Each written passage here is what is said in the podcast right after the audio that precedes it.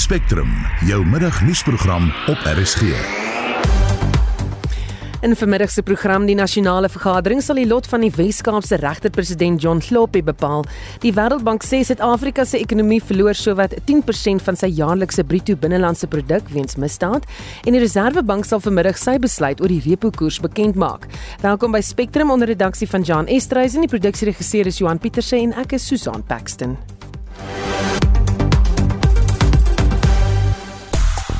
Twee Indiese sterre is onbeskikbaar vir aanstaande maand se eendagreeks teen die Proteas en hoe vorder die Suid-Afrikaners op dag 3 van die vierdagwedstryd in Benoni teen die Windies se aanspan. Ek is Shaun Jooste vir RSG Sport. Op X deel gebruikers hulle ervaring van die hittegolf wat in groot dele van die land voorkom onder die hitsmerk Heatwave. En op Instagram het die BBC aangekondig dat die vlaggenskap program Top Gear nie in die voorsienbare toekoms sal terugkeer nie nadat die aanbieder Andrew Freddy Flintstone tydens 'n botsing op die program beseer is. Vir nog interessante brokkies, volg ons sosiale media platforms. Nou die parlement sê die twee pot aftreestelsel gaan voort hoewel dit nog onseker is wanneer dit in werking sal tree. Die stelsel sal mense toelaat om in 'n noodgeval toegang tot 'n derde van hulle pensioen te kry en die res dan met aftrede. Nou ons op by jou weet sal jy nou al van jou aftreegeld wil onttrek en wat beskou jy as die voor- en nadele van die twee pot stelsel? Praat gerus saam op Facebook of stuur 'n SMS na 45889. Dit kos jou R1.50 per boodskap, maar ons wil graag ook van jou hoor stuur 'n stemnota na 076 536 6961. Dis 076 536 6961. Die lot van die Wes-Kaapse regter-president John Kloppe en die afgetrede regter Nkola Motata is nou in die hande van die nasionale vergadering. Dis die eerste keer sedert demokrasie dat so iets gebeur. Die parlementêre portefeulje komitee van justisie het bevind dat beide regters hulle skuldig gemaak het aan grove wangedrag. Lawson Naidoo van die Raad vir die Bevordering van die Suid-Afrikaanse Grondwet of Kazak sê hy dink die parlement gaan wel besluit dat die regters geskort word. One will expect a formality there that the two biggest parties in the National Assembly, as you've said, are in agreement that the proposal for the removal of these judges uh, should take place on the recommendation of the Judicial Service Commission. And the Constitution gives that authority to remove judges to Parliament.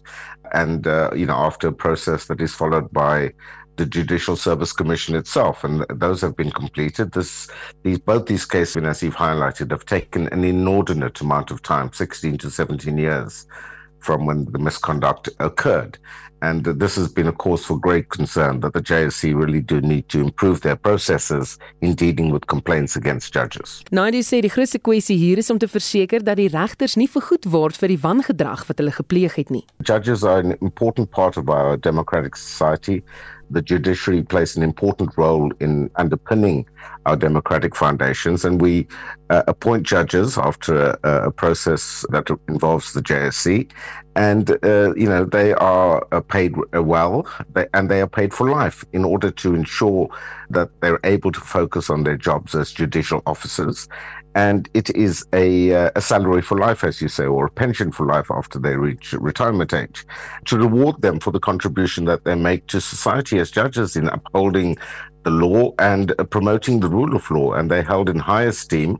And when they transgress, and uh, in these two cases where these two judges are deemed to have transgressed and they are removed from office, the perks of that office must also go.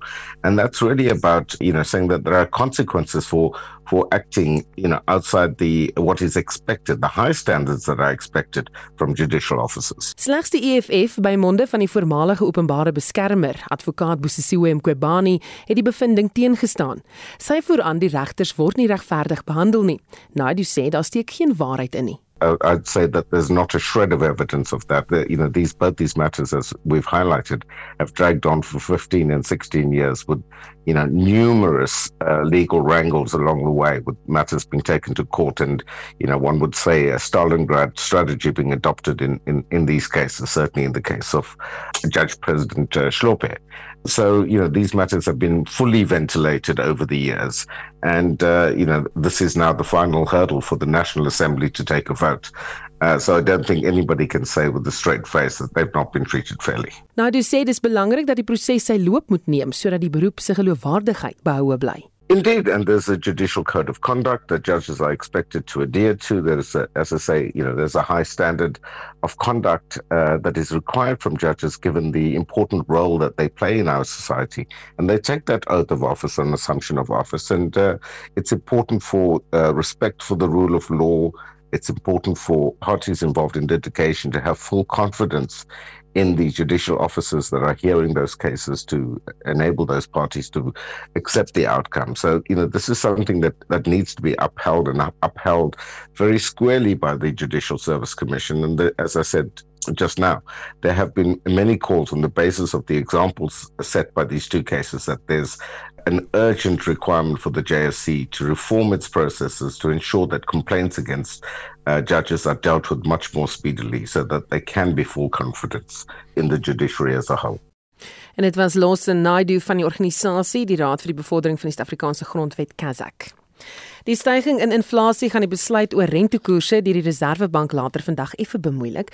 Vir sy gedagtes oor wat kan gebeur, praat ons nou met uh, professor Waldo Kriegel, 'n ekonom aan die Noordwes Universiteit. Goeiemôre Waldo. Goeiemôre Susan. So wat is jou gevoel? Wat gaan die besluit oor rentekoerse wees? die ekonome is dit eens dat die reservebank die repo onveranderd gaan hou. Uh hoofsaaklik omdat hulle dink die druk op inflasie in die maande wat kom gaan minder wees.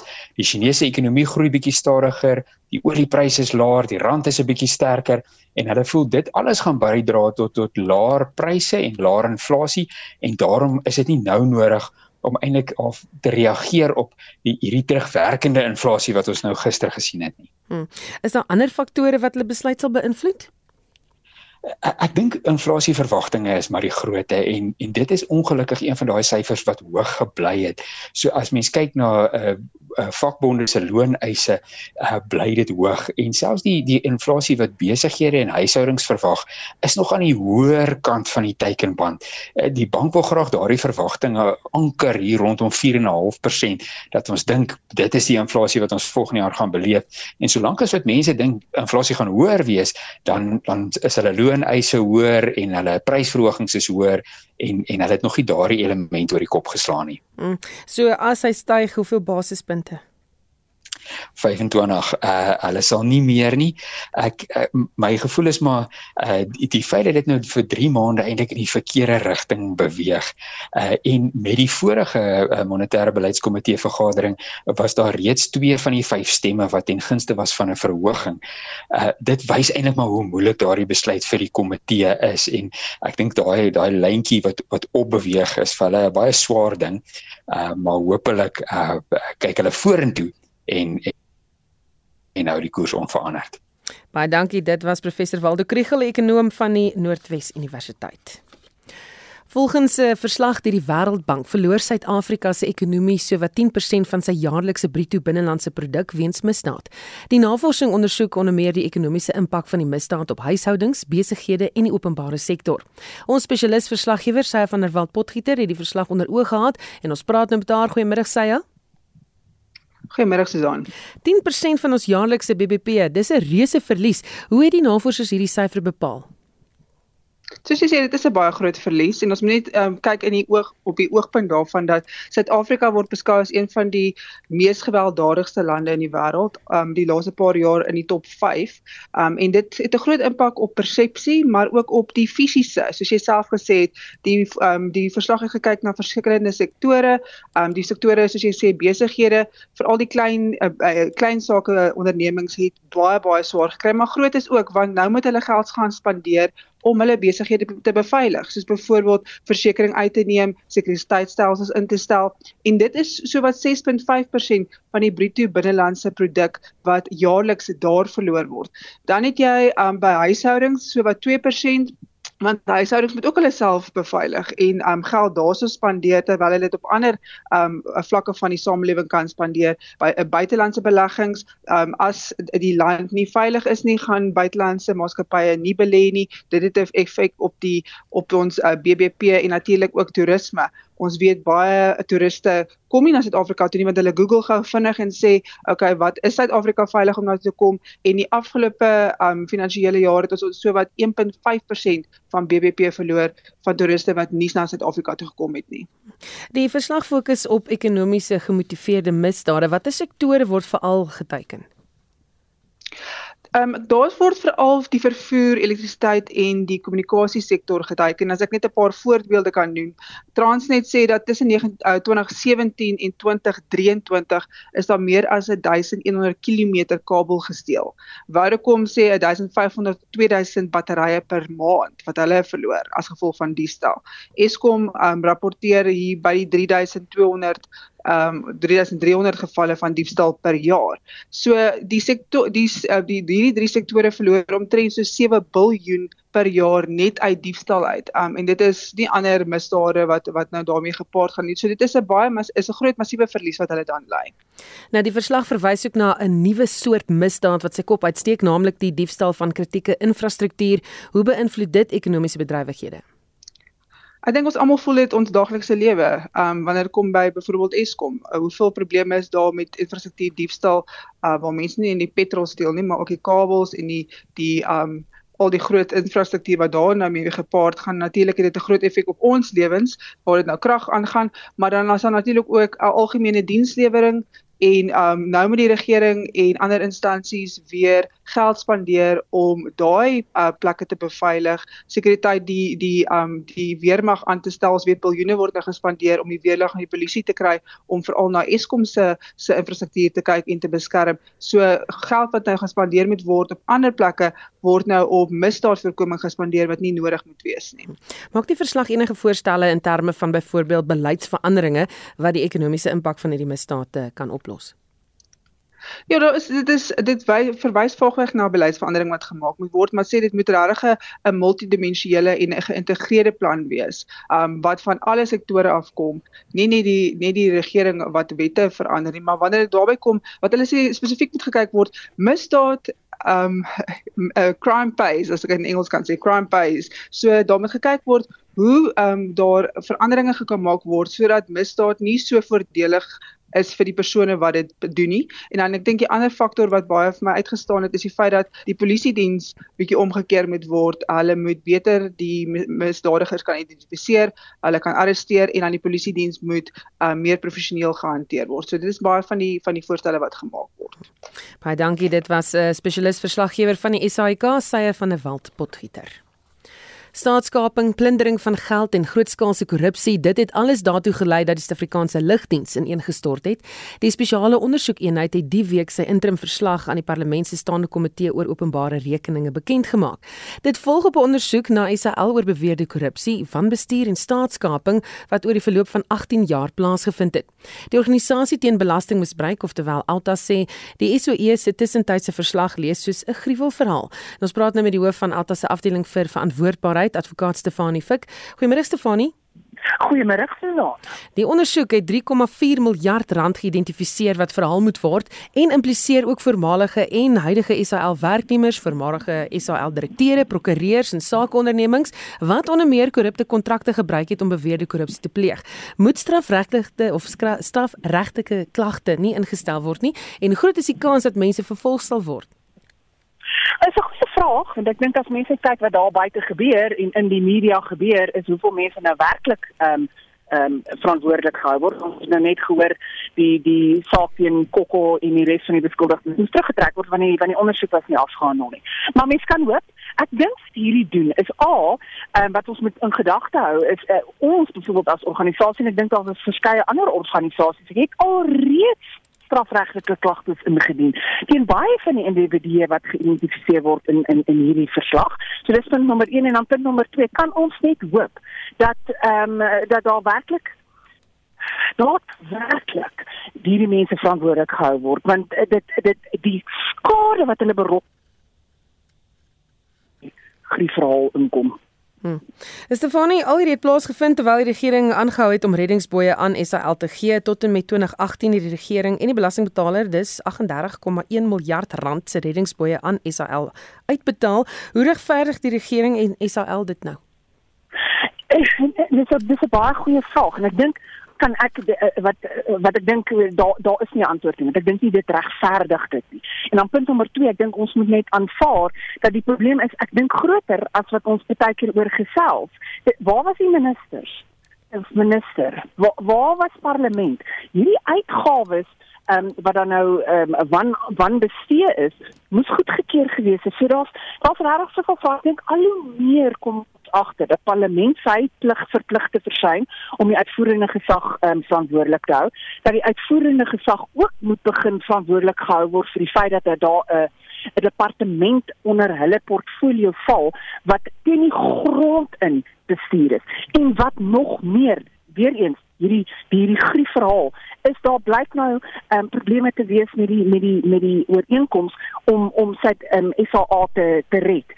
So dis asof ek dit nie ophou nie. Iewers, iewers moet moet moet daar regtig nou 'n uh, 'n punt daarvan gemaak word om dit op die einde te kry.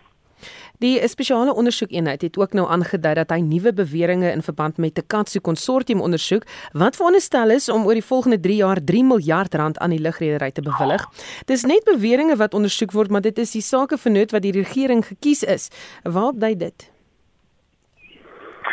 Ja, dit is uh, dit uh, dit is 'n kopkrap. As mense sien waar is SAA.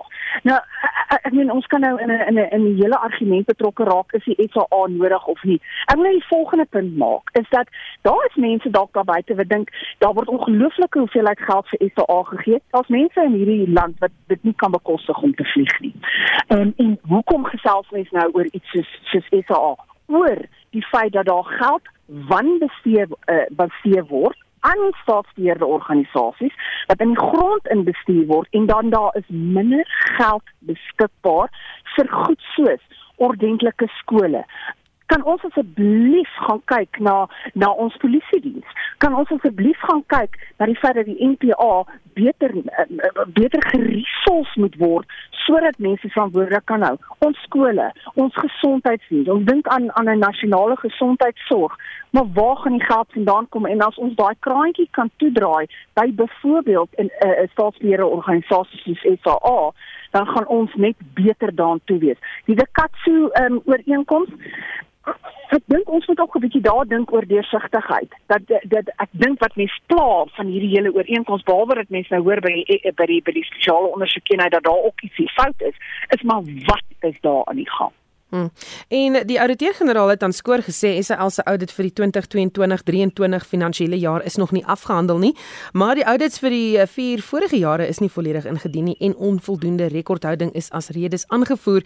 In die 4 jaar het onreëlmatige bestuuring van 22 miljard rand tot 45 miljard rand toegeneem. Is daar dus geen bewyse van waarop daardie geld bestee is nie? Dit klink so. Dit nie glo dat ons um, hier in 2023 nog moet praat oor basiese beginsels as dit kom by um, hoe om jou finansies te bestuur in 'n staatsorganisasie. As mens dink aan 'n maatskappy, gewone private maatskappy, mag ek en jy dalk nou nie heeltemal so geïnteresseerd wees in hoe hulle hulle hulle boeke hardloop nie en hulle hulle hulle hulle verwins so hulle maak seker dat hulle boeke in orde is, maar hoekom sukkel ons so met staatsbeheerde organisasies? Wat se boeke eintlik as dit moontlik is beter bestuur moet word as enige ander privaat maatskappy. En hoekom? Omdat dit my jou almal daar buite se geld is se se die, die belastingbetalers en as ek praat van belastingbetalers dis iedereen en elke persoon in hierdie um, land van ons wat belasting betaal en is ons geld wat aangewend word dan nou of wanbestuur word En ehm um, dit gaan my verstand te bowe dat ons regtig nog in hierdie hierdie in hierdie tyd moet praat oor 'n staatsbeheerde organisasie wat nie weet hoe sy eie boeke ehm um, te hanteer nie. Wat moet nou hier gebeur? Maar almal moet nie almal moet kan ons asseblief dit ondersoek nou, klaar dit ondersoek sodat mense hof toe gevat kan word en verantwoordelik gehou word. Maar behalwe vir dit, daar's daar's vir my ook 'n verskil tussen ehm um, kriminele verantwoord eh, verantwoordbaarheid en net gewoon dissiplinêre en etiese en etiese gedrag.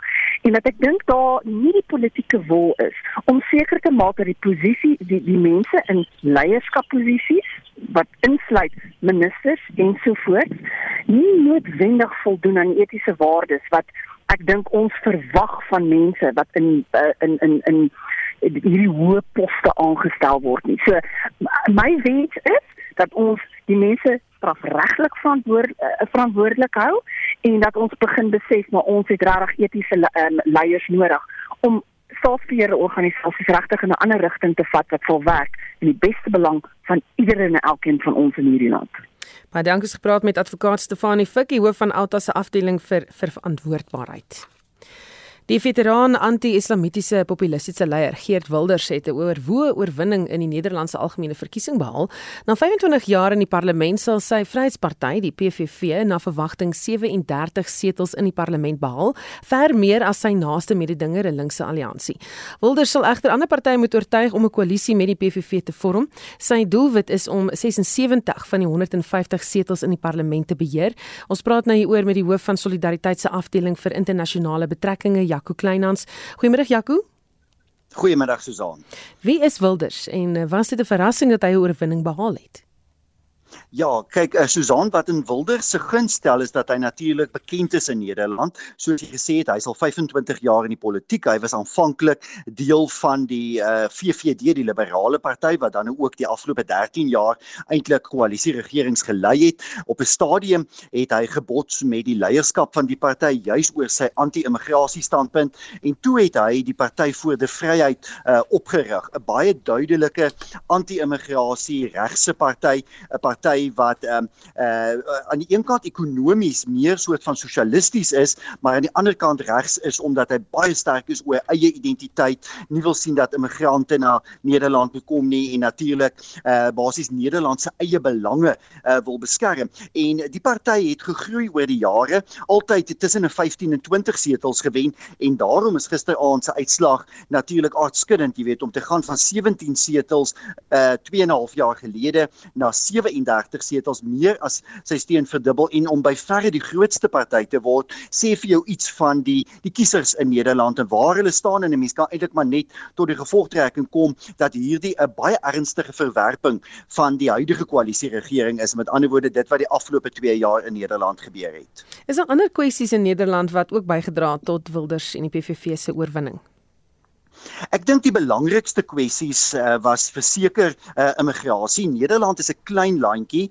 Uh dit is 'n land met 17 miljoen uh, inwoners, meer as 2 miljoen inwoners. Uh in Nederland is reeds mense met 'n immigrante agtergrond. Daar's baie Nederlanders wat sê dat die immigrante raak eenvoudig te veel. Ehm um, dit is natuurlik 'n identiteitsvraagstuk, maar aan die ander kant bloot ek net 'n praktiese vraagstuk. Behuising is 'n reuse probleem in Nederland en dit was een van die belangrikste kwessies in hierdie verkiesing, die geweldige tekort aan behuising en die feit dat baie immigrante, mense wat om vlugtelingstatus aansoek doen, selfs buitelandse studente, dat hulle dikwels voorkeur kry met behuising en dat Nederlanders regtig sukkel vir veral arme Nederlanders om behuising te kry. Dan was die ander twee belangrike vraagstukke uh lewenskoste. Dit wat ons in baie lande in die wêreld aan sien, stygende lewenskoste, inflasie, mense wat voel dat Nederland is 'n ryk land, maar daar's baie swaar kry en Wilders het baie sterk ingetree vir gewone gewone Nederlande en dan een van die kwessies wat hierby aansluit was hoe die regering klimaatsverandering hanteer. Hoewel Nederlanders wil hê dat klimaatsverandering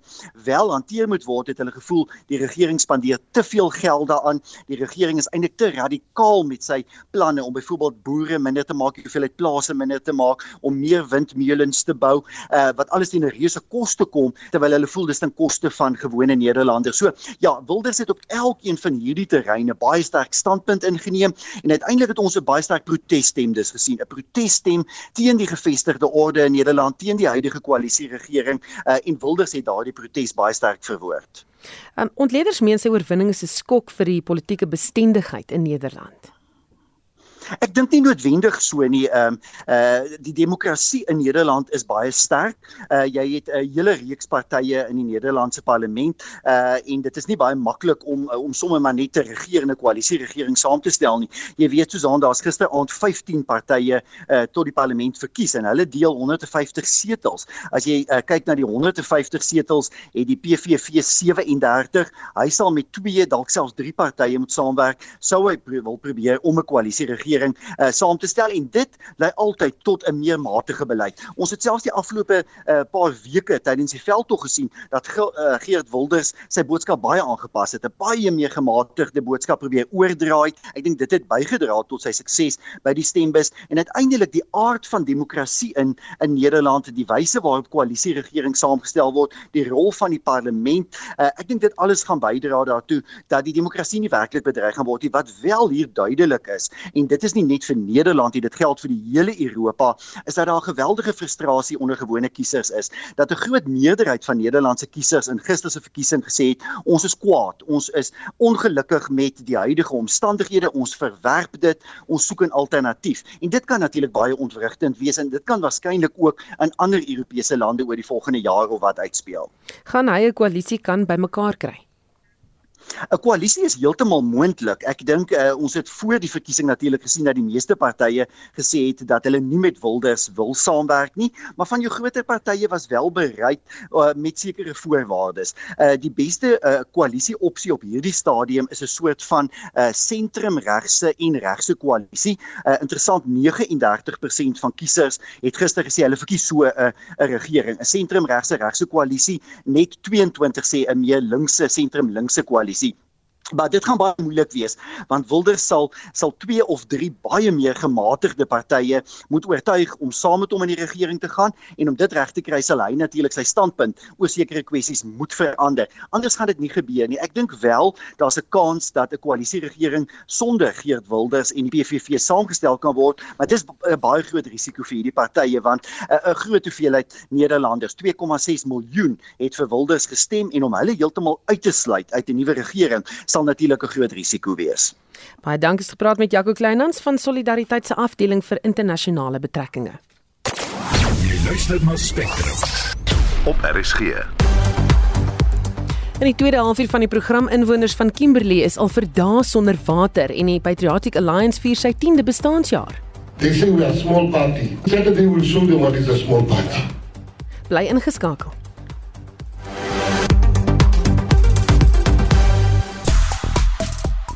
Na aanleiding van van ons stories het luisteraar of 'n luisteraar Annelien gevra, "Is dit waar dat LP se ministers gratis kon vlieg op SAL?" Ek vermoed daar was so 'n reëling van soorte met seker maak daaroor. Dan uh, nog 'n luisteraar wat toe nou reageer op die pensioen en sê as jy nou nie eers kan uitkom met jou salaris nie, hoe gaan jy dit regkry met pensioen wat die helfte van jou salaris is soos dit is en dan nog boonop van jou pensioen onttrek voor die aftrede, hoeveel dink jy gaan jou pensioen dan wees? Leed eerder leef binne jou vermoë as om uh, te verhonger op jou ou dag sê die persoon. En dan hy nog 'n luisteraar, ek sê so pensioen na jare en die polisie so dink hou die staatspensioen soos dit tans is, dit gaan 'n uh, babelse verwarring veroorsaak. Ehm um, sê Samuel. So jy kan sit saamgestel as jy wil. 45889 onthou SMS se kos R1.50. Tyd vir sportnuus, hier Shaun Jooste. Goeiemôre Shaun. Middag Susan. Twee Indiese sterre het uit aanstaande maand se eendag reeks teen die Proteas onttrek. Ja, Rohit Sharma en Virat Kohli, twee staafmakers in die eendag wêreldbeker toernooi het gevang vir minstens 'n maand ter is voor hulle weer beskikbaar sal wees. Hulle sal wel beskikbaar wees vir die toetse wat na Kersdag begin. Nou die eendag reeks van 3 wedstryde vind tussen 17 en 21 Desember plaas. Dit is hier in Suid-Afrika en die toer begin natuurlik met die T20 reeks op 10 Desember. 4 uh, dae gelede Indië die eendag wêreldbeker eindstryd uh, teen Australië verloor. Vandag begin hulle T20 reeks. Ja, die reeks bestaan uit 5 wedstryde. Nou Indië het 3 spelers in hulle span wat betrokke was in die eendag wêreldbeker toernooi, terwyl groot name vir die Aussies soos David Warner, Mitchell Marsh, Pat Cummins en Mitchell Stark 'n blaaskans kry. Surya Kumar Yadav en Matthew Wade is die twee kapteins. En uh, India het sedert Februarie 2019 nog nie 'n tuiste-20 reeks verloor nie en interessant genoeg hulle laaste tuisreeks nederlaag was teen die Aussies in die kragmeting begin vanmiddag 04:30. Hoe staan sake in Benoni in die 4-dag wedstryd tussen Suid-Afrika en die Windies se A-spanne? Suid-Afrika is besig met hulle tweede beurt. Hulle kolf na etenstyd op dag 3 voor tot 81 vir 3 en het 'n voorsprong van 54 lopies. En die Joburg Golf Ope het ook vanoggend afgeslaan. Ja, die toernooi vind in Houghton plaas en die Suid-Afrikaner Nicol Arama as die vroeë voorloper op 5 goue onder die baansyfer. En op die tennisbaan is Australië en Finland reeds deur na die Davis beker halfeindronde. Watter spanne is uh, nog vandag in aksie?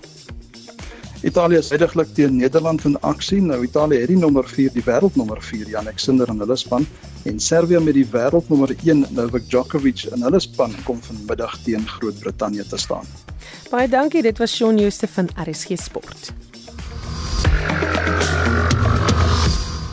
Kimberley se krane is sedert verlede week leeg na die Solplaatjie munisipaliteit sonder waarskuwing die stad se watertoevoer afgesny het om 'n waterpyplyn te herstel. Die bestuurshoof van die Noord-Kaapse Sakekamer, Sharon Stein, sê egter dit was nie 'n noodgeval om die herstelwerk te doen nie.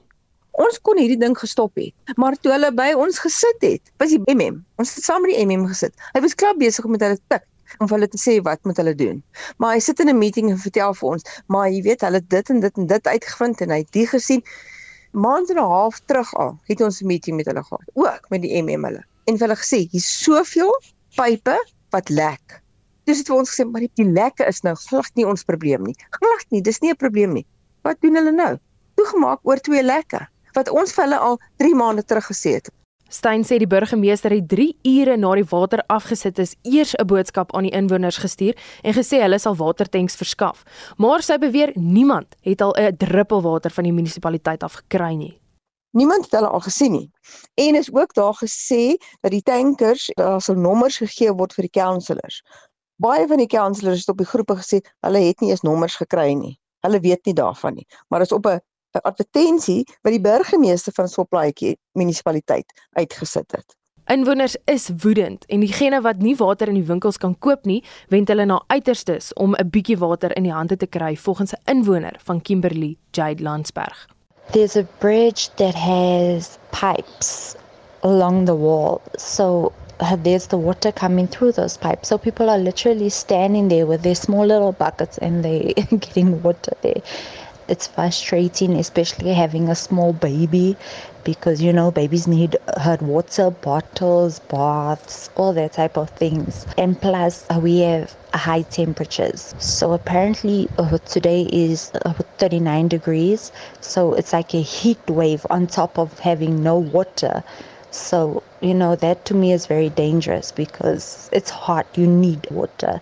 Volgens Stein het die Solplaatjie munisipaliteit nie met noodpersoneel soos die brandweer geraadpleeg om 'n noodplan in werking te stel nie. Sharon sê die munisipale bestuurder is nie bekommerd oor of inwoners water het of nie. Water is 'n basic need. Daar's nog 'n ding, daar's 'n grondwet. Hulle sê 48 hours moet daar water beskikbaar wees. Die MM het vir my gesê, "Sharon, if the water drips out of the tap, dan is daar water. Dan moet die mense nie kwaad wees nie. Jy hoef nie 'n stroom water te hê nie om te sê jy het nie water nie. Stein sê die munisipale bestuurder gee nie om as sakeonderneming sluit nie en soek ook nie hulle hulp nie. Dis die belangstelling wat hulle het in ons dorp en die mense wat hulle salarisse betaal. Hulle luister nie na ons nie. Hulle gebruik buite mense. Hulle wil nie ons plaaslike mense gebruik nie, want weet jy hoekom? Want ons kontrakteurs is nie eens betaal nie. En ek wil hierdie boodskap moet uitgaan, want die Soplaatjie munisipaliteit betaal nie die mense nie. Die waarnemende burgemeester Tobeka Matika sê kundiges is genader om te help om die waterkrisis te bestuur.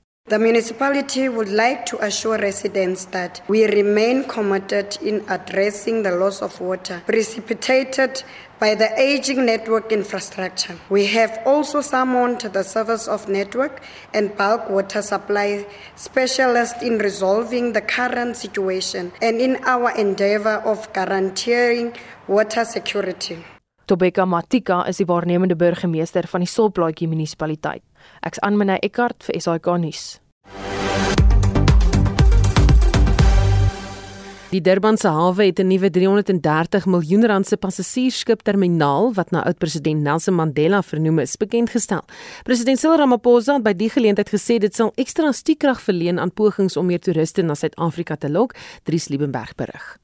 President Cyril Ramaphosa het by die amptelike opening van die terminaal wat voorheen as die Durbanse passasiersskip terminaal bekend gestaan het, gesê hy verwag dat Mandela se naam meer gewig sal verleen aan Suid-Afrika se toerisme aanbod. There are few places in the world that have not heard of the name Nelson Mandela or do not know about this iconic human being. Our country's founding father is a name that is foremost in the minds of hundreds of thousands of tourists who will visit our shores every year. Die moderne 300 miljoen rand terminaal is einde 2021 in bedryf gestel, terwyl 'n luukse lokaal van 30 miljoen rand onlangs ingerig is vir diegene wat die luukste van luukse pakkette gekies het. Ramaphosa sê Durban en Kaapstad is perfek geleë om voordeel te trek uit die internasionale passasiersskipbedryf van 174 miljard dollar per jaar. Last year was a boon for the local tourism cruise uh, tourism industry. The latest cruise season injected, I'm told, an estimated 1.2 billion into the economy of the Western Cape alone. And we want to see not similar, we want to see bigger numbers for here in KwaZulu Natal. And this terminal will play an important part in doing so.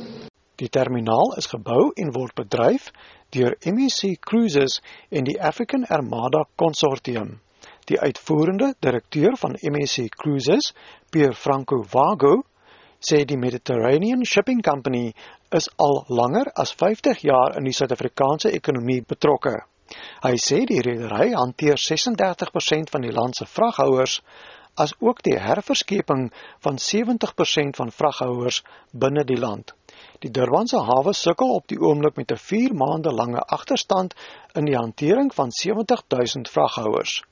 Die Richards Bay se hawe moes ook die pad vervoer van steenkool en erts na die hawe staak weens dreigende regstappe oor die verkeersknope wat dit veroorsaak. Wago het egter aangedui dat die MSC groep van plan is om hulle teenwoordigheid in die Suid-Afrikaanse hawens uit te brei. And by the end of the year, uh, we will uh, open, we will have another um, naming ceremony, another opening ceremony for the 350 million rand coal store here in Durban again. We are a family company run by the wife of Captain Salvatore Sarno, Sandra. Ramaphosa het toegegee dat Transnet tans uitdagings ondervind. Hy het genoem dat daar beplan word om logistieke kapasiteit oor die volgende 15 jaar teen 157 miljard rand uit te brei, wat volgens hom insluit dat die Durbanse hawe 4 keer meer vraghouers sal kan hanteer. Ek is Dries Liebenberg in Durban. Die leier van die Patriotic Alliance, Gayton Kenzie, sê sy party sal nie sy rug op Israel draai of produkte wat uit Israel ingevoer word boikot nie. Hy het die instelling by 'n media-konferensie gemaak, of op die stelling by 'n media-konferensie gemaak in aanloop tot die viering van die party se 10de bestaanjaar Saterdag by die Orlando Stadium in Soweto. Die nasionale vergadering het die week ten gunste van 'n aangepaste EFF-mosie gestem dat Israel se ambassade in Suid-Afrika gesluit moet word totdat 'n permanente skietstilstand tussen Israel en Hamas bereik word. Is dit die klerk doen verslag. McKenzie sê die party is ten gunste van 'n twee-staat oplossing in die Midde-Ooste. We shall never stand here because it's not fashionable today to say the Jewish people are not our enemies. It's not fashionable today to say we want peace between Israel and Palestine. It's not fashionable, but that's what we are saying. We are saying the most unfashionable thing in the moment. And if that means you are not going to vote for us, then don't vote for us. This is our truth that you should know. We want a two state solution. We don't care if a child died, if it's a Palestinian child or Israeli child. We care about the child dying. Hy sê die ANC het 'n ultimatum aan die party gegee om sy ondersteuning aan Israel te onttrek, anders sal sy koalisie-ooreenkomste in sekere munisipaliteite skade ly. Then the ANC gave us an ultimatum. We must turn our backs on Israel or they will expel us from the coalitions. We've been told tomorrow is the deadline. When is Thursday tomorrow? Tomorrow is the deadline. So I want to answer the right here. We have Muslims in our party. Those Muslims are standing with Palestine. No problem with that. We support them in their freedom of choice. I am a wash again with the lamb of the blood Christian. My Bible commands me to stand with Israel. My Bible says to me, he who curses Israel is cursing himself. He who blesses Israel is blessing himself. So call me what you want. Even if I get one vote or we get two votes, I will not listen to the ANC. I will listen to the Bible. McKenzie sê die party het besonder goed gevaar oor die afgelope 10 jaar. Die Patriotic Alliance het 80 setels in verskeie munisipaliteite in die land. So we are very happy. They say we are a small party. Saturday will show them what is a small party. McKenzie het egter sy party se beleid oor die massa-deportasie van ongedokumenteerde buitelanders beklemtoon. The PA is the party that puts South Africans first. We are not for this African nonsense. Absolute nonsense. And Africa will never happen for as long as we are part of this political establishment. We will never allow that. The theme for this election with this party is Abahambe. We want all illegal foreigners to be instantly deported. We don't want them here. It's not a dialogue. It's not a negotiation. As the Patriotic Alliance, you're going to hear the sound in Orlando of Abahambe. Sowat 40000 ondersteuners sal na verwagting die feesvieringe Saterdag bywoon. Die verslag is saamgestel deur 'n kleinklag Gatlane. Ek is Estie de Klerk vir SAK nuus. Vandag se sake nuus word aangebied deur Chris Weemeyer, 'n portefeuljebestuurder by PSG Wealth Pretoria. Oos goeiemôre Chris. Goeiemôre Susan. Uh, vandag weer eens eh, 'n uh, sterk dag. Die algehele indeks hier by 'n persent uh, sterker. Die algehele indeks na 1,1% hoër en dit lyk vir my dit is maar wêreldwyd dat rentekoerse dalk hulle hoogste punt bereik het. Alhoewel die Reserwebank vanmiddag vir ons gaan sê of daar rentekoersverhoging gaan wees of nie. Maar deur die bank deur groen by ons Hulbronne 0,4% sterker finansiële aandele 1,3% hoër en die Naverage indeks 1,5% sterker met Naspers wat goed vertoon daar. Ons het vandag 'n paar maatskappy resultate gekry.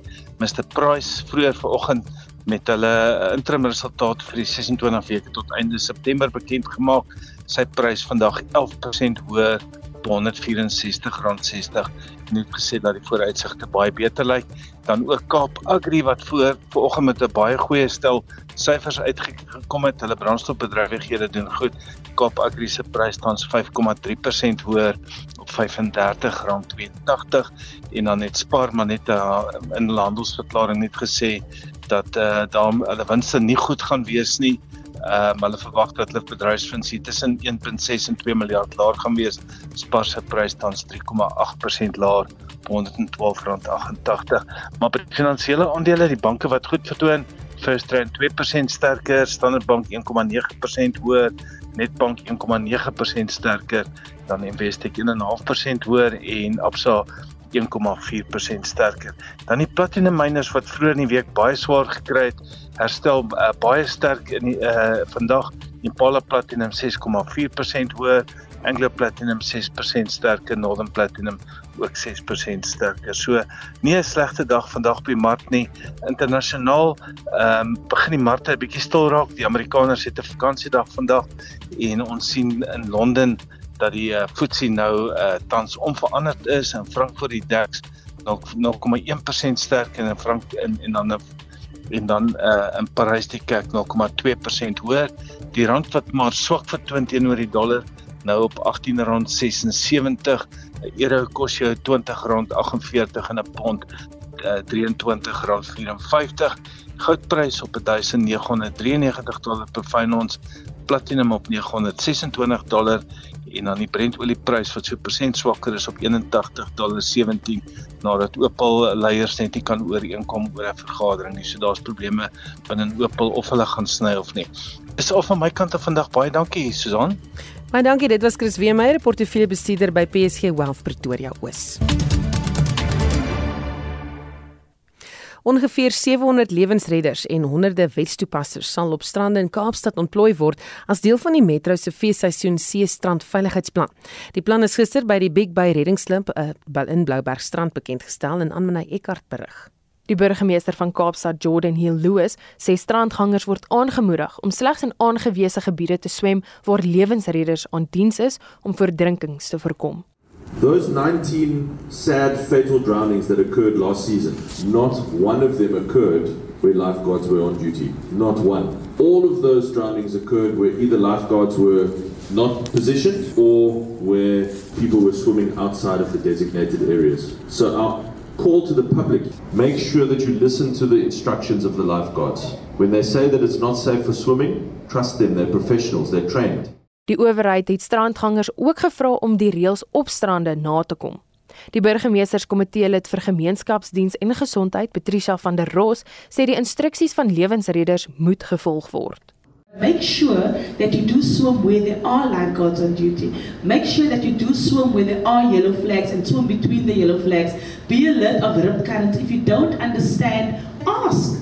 How do you detect a rip current? How do we know? Because if we don't know, we need to ask. Die metro sê hy is gereed om die wêreld te verwelkom na sy pragtige, skoon en veilige blou vlagstrande.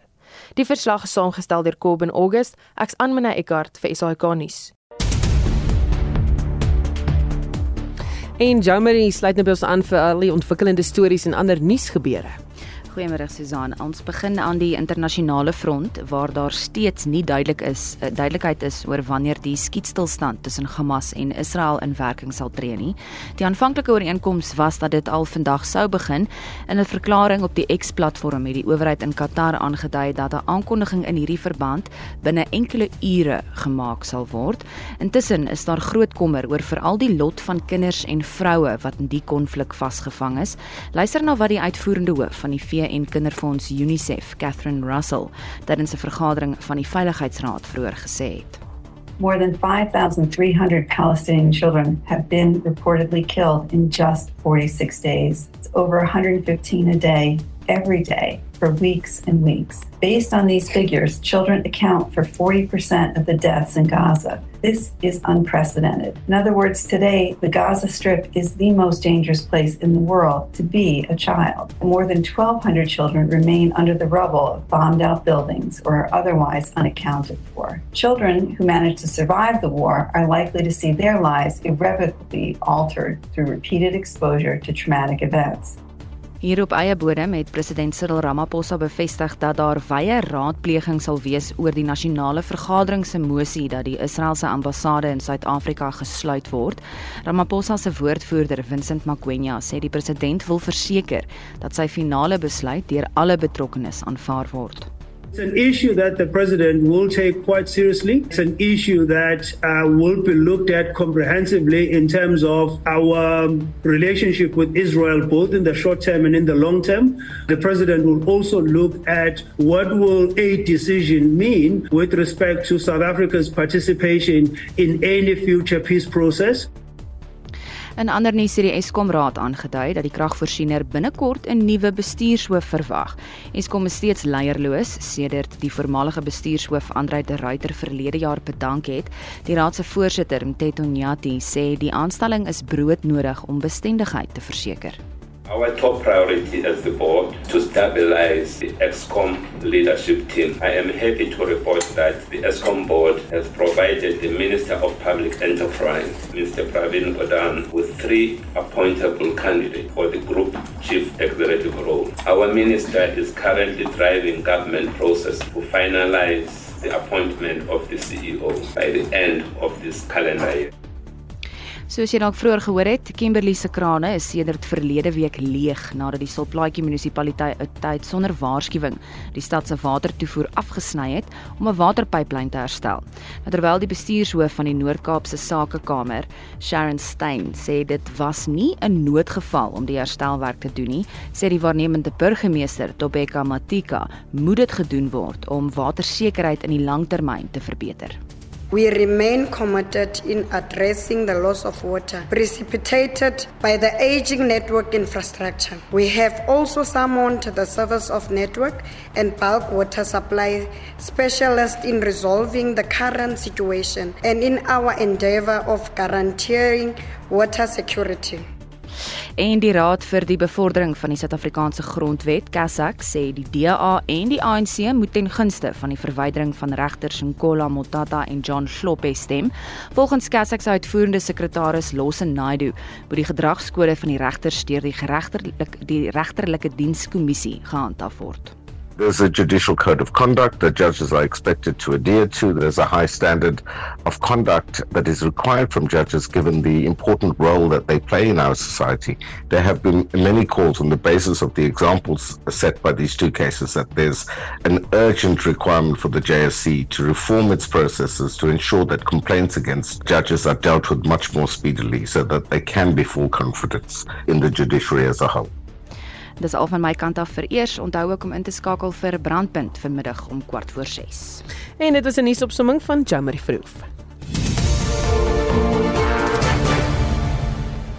Tyd om te groet vir eers vorige uitsendings van al ons nuus en aktualiteitsprogramme is as 'n potgooi op RC se webtuiste beskikbaar so jy kan weer daar gaan luister. Ons naam is soos uitvoerende regisseur Nicoline Lou, die redakteur John Estreisen en ons produksieregisseur Johan Pieterse. Ek is Susan Paxton bly ingeskakel vir 360.